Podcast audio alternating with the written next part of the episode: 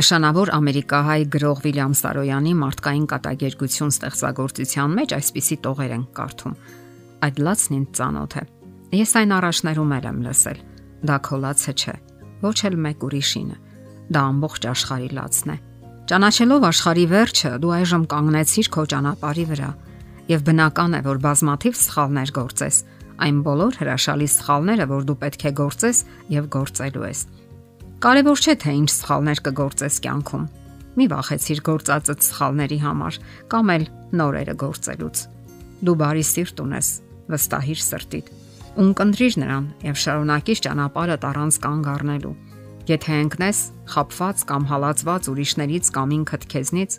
վեր կաց եւ հետ մի նայիր։ Բազմաթիվ անգամներ պիտի ծիծաղես եւ բազմաթիվ անգամներ լաց լինես։ Այդ ծիծաղն ու արտասուքը շարունակ անբաժան պիտի լինեն իրարից քո կյանքում դու ոչ մի րոպե չես ունենա ստոր, նենք կամ փոքրոքի լինելու։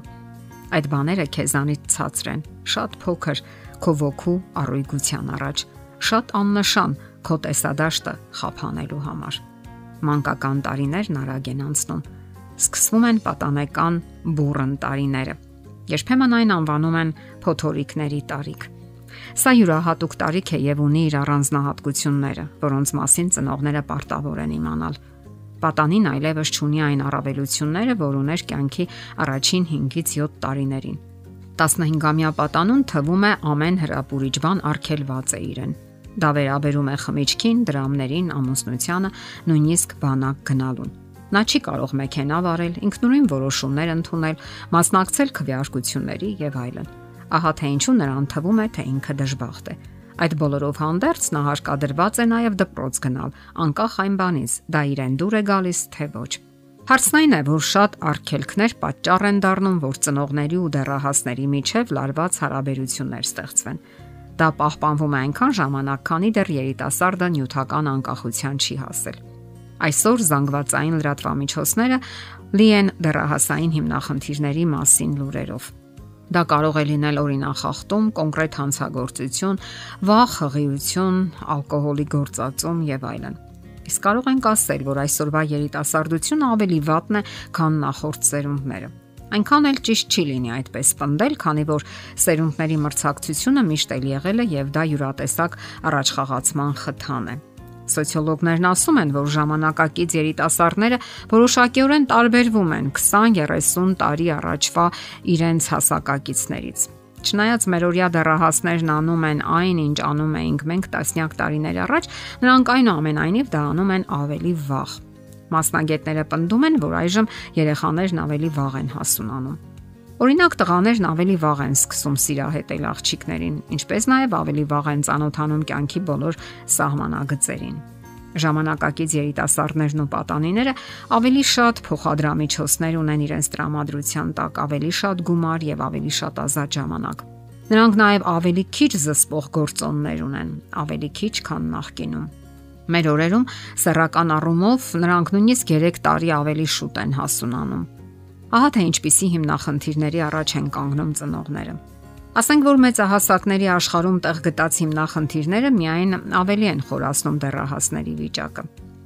Դրանք են ամուսնական բաժանությունները, տնտեսական հարցերը, գործազրկությունը, կաշառակերությունը, որոնք աղավաղում են արդարության վերաբերյալ ունեցած նրանց պատկերացումները եւ դժգոհություն առաջացնում։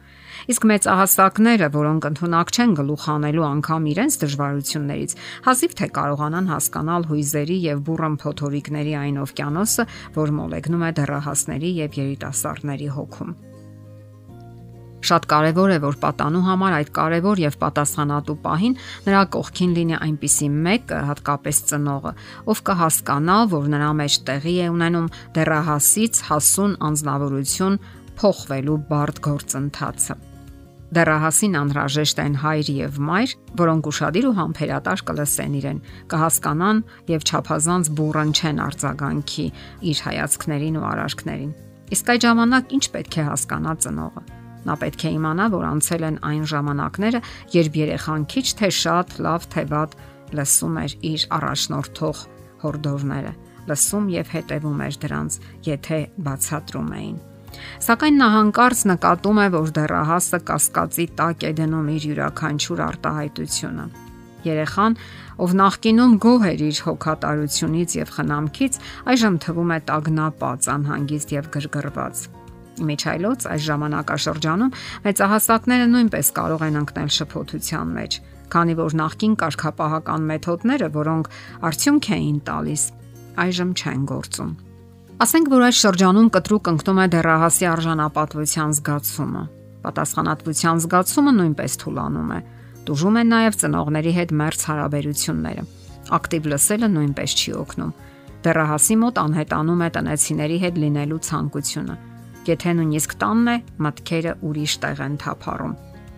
Նա իրեն այնպես է պահում, կարծես իրեն ձեզ հետ տեսնելը նույնիսկ հանցագործություն է։ Ձեզ հունիցանում են նրա հուզական վերելքներն ու անկումները, բարկության բռնկումները, առանձին դեպքերում տարօրինակ դանդաղկոտությունը։ Իմանալով այս բոլոր երևույթները, ծնողները պետք է ըմբռնումով, սիրով եւ համբերությամբ ընկերություն անեն պատանու հետ։ Այլ տարբերակ համարյա չկա իսկ ընկերությունը դրական արդյունքներ է տալիս անկասկած։ Ծնողները պետք է լինեն դեռահասի լավագույն ընկերը այդ բուրըն եւ փոթորկալից տարիքում։ Նա այնքան ունի դրա կարիքը։ Եթերում ընտանիք հաղորդաշարներ։ Ձեզ հետ է Գեղեցիկ Մարտիրոսյանը։ Հարցերի եւ առաջարկությունների համար զանգահարել 033 87 87 87 հեռախոսահամարով։